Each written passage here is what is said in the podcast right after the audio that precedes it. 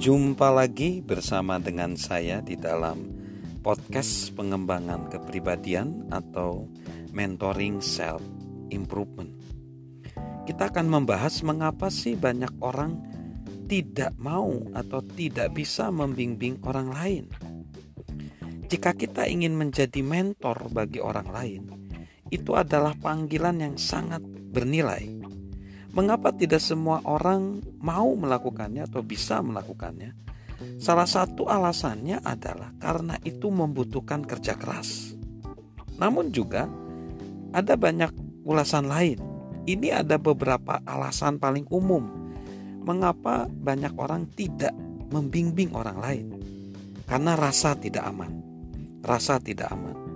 Virginia Arkastel berkomentar, Ketika orang dibuat merasa aman, penting, dan dihargai, mereka tidak lagi merasa perlu merendahkan orang lain agar terlihat lebih baik.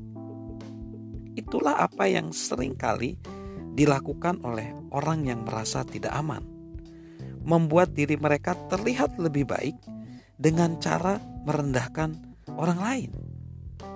Di sisi lain, orang-orang yang benar-benar sukses membuat orang lain menjadi lebih baik. Mereka tidak merasa terancam karena memikirkan ada orang lain yang menjadi lebih sukses dan naik ke tingkatan yang lebih tinggi. Mereka bertumbuh dan memperjuangkan potensi mereka. Mereka tidak takut digantikan oleh orang lain. Mereka bukanlah seorang eksekutif yang menuliskan memo pada Direktur Sumber Daya Manusia dan mengatakan, "Carilah seorang pemuda yang sigap yang bisa menggantikan saya. Ketika Anda menemukannya, pecatlah pemuda itu." Membimbing orang lain adalah kegembiraan seseorang yang sukses. Lalu yang ke selanjutnya adalah ego. Beberapa orang memiliki ego yang sangat besar sehingga mereka bisa menjadi sangat gembira atau mati karena ego itu. Mereka berpikir bahwa orang lain hanya ada untuk melayani mereka dengan satu cara atau dengan hal-hal lain. Seperti itulah Adolf Hitler. Adolf Hitler. Menurut Robert White, ketika Adolf Hitler mencari seorang supir, dia mewawancarai 30 orang pelamar. Ia memilih pria terpendek di antara mereka dan mempekerjakan orang itu sebagai supir pribadinya sepanjang hidupnya. Sekalipun orang itu membutuhkan balok khusus yang diletakkan di bawah kursi pengemudi untuk bisa melihat jalan dari balik setir. Hitler menggunakan orang lain untuk membuat dirinya terlihat lebih besar dan lebih baik daripada seperti apa ia sesungguhnya. Seseorang yang hanya memikirkan dirinya sendiri tidak akan pernah berpikir untuk meluangkan waktu demi membesarkan orang lain. Lalu yang selanjutnya, ketidakmampuan untuk benar-benar memikirkan benih kesuksesan orang lain kita percaya, kita harus percaya bahwa setiap orang itu memiliki benih kesuksesan di dalam dirinya. Terlalu banyak orang tidak bisa menemukan benih kesuksesan itu di dalam diri orang lain atau di dalam dirinya sendiri. Mereka tidak mempedulikan orang lain, dan sebagai hasilnya, mereka tidak mencapai titik terbaik diri mereka sendiri. Namun, ada banyak orang lain bisa menemukan benih itu. Kemungkinan besar kita adalah salah satu di antaranya.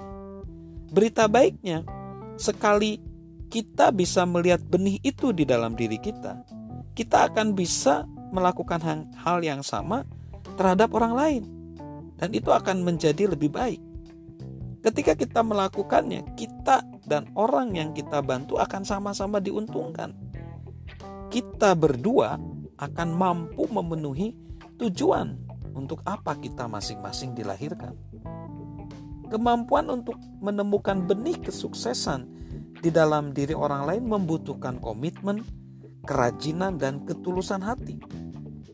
Itu membuat kita benar-benar berfokus pada orang lain. Kita harus melihat pada bakat, temperamen, pada semangat orang itu, kesuksesan orang itu, kegembiraan dan kesempatan yang orang tersebut miliki. Ketika kita menemukan benih itu, kita harus memupuknya dengan penguatan dan mengairinya dengan kesempatan. Jika kita melakukannya, orang ini akan bersemi di depan mata kita.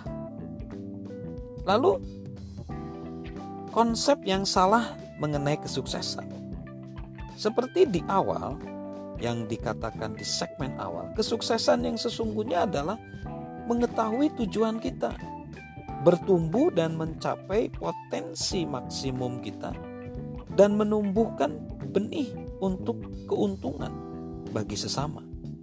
Kebanyakan orang tidak mengetahui hal itu. Mereka tergesa-gesa untuk tiba pada tujuan mereka untuk memperoleh lebih banyak barang daripada orang-orang atau daripada tetangga sekitarnya. Fred Smith mengatakan sebagian dari kita cenderung untuk berpikir saya bisa sukses namun saya tidak pernah memiliki kesempatan. Saya tidak dilahirkan di keluarga yang tepat atau saya tidak memiliki uang untuk pergi masuk ke pendidikan yang terbaik. Namun, ketika kita mengukur kesuksesan berdasarkan apa yang telah kita terima, rasa frustasi itu pun hilang satu dari aspek terpenting mengenai bagaimana kita menggunakan apa yang kita terima datang dari menolong orang lain. Seperti yang dikatakan oleh Cullen Hightower. Ukuran sesungguhnya dari kekayaan Anda juga memasukkan semua keuntungan yang telah diperoleh orang lain dari kesuksesan Anda. Lalu yang selanjutnya tidak pernah dilatih. Alasan utama banyak orang tidak mau mengembangkan orang lain di sekitar mereka adalah mereka tidak tahu cara melakukannya. Menjadi mentor bagi orang lain bukanlah sesuatu yang dipelajari di sekolah. Jika kita menerima pendidikan untuk menjadi profesi guru, profesi yang lain, nah di dalam mentoring kita perlu ada pelatihan. Nah, kita perlu pelatihan. Jadi itu yang harus kita lakukan. Jadi kenapa banyak orang tidak mau membimbing orang lain karena ada rasa tidak aman, ego, ketidakmampuan untuk benar-benar memikirkan benih kesuksesan orang lain, konsep yang salah tentang kesuksesan dan tidak pernah dilatih. Salam mentoring dari saya, Mr. Sorjan.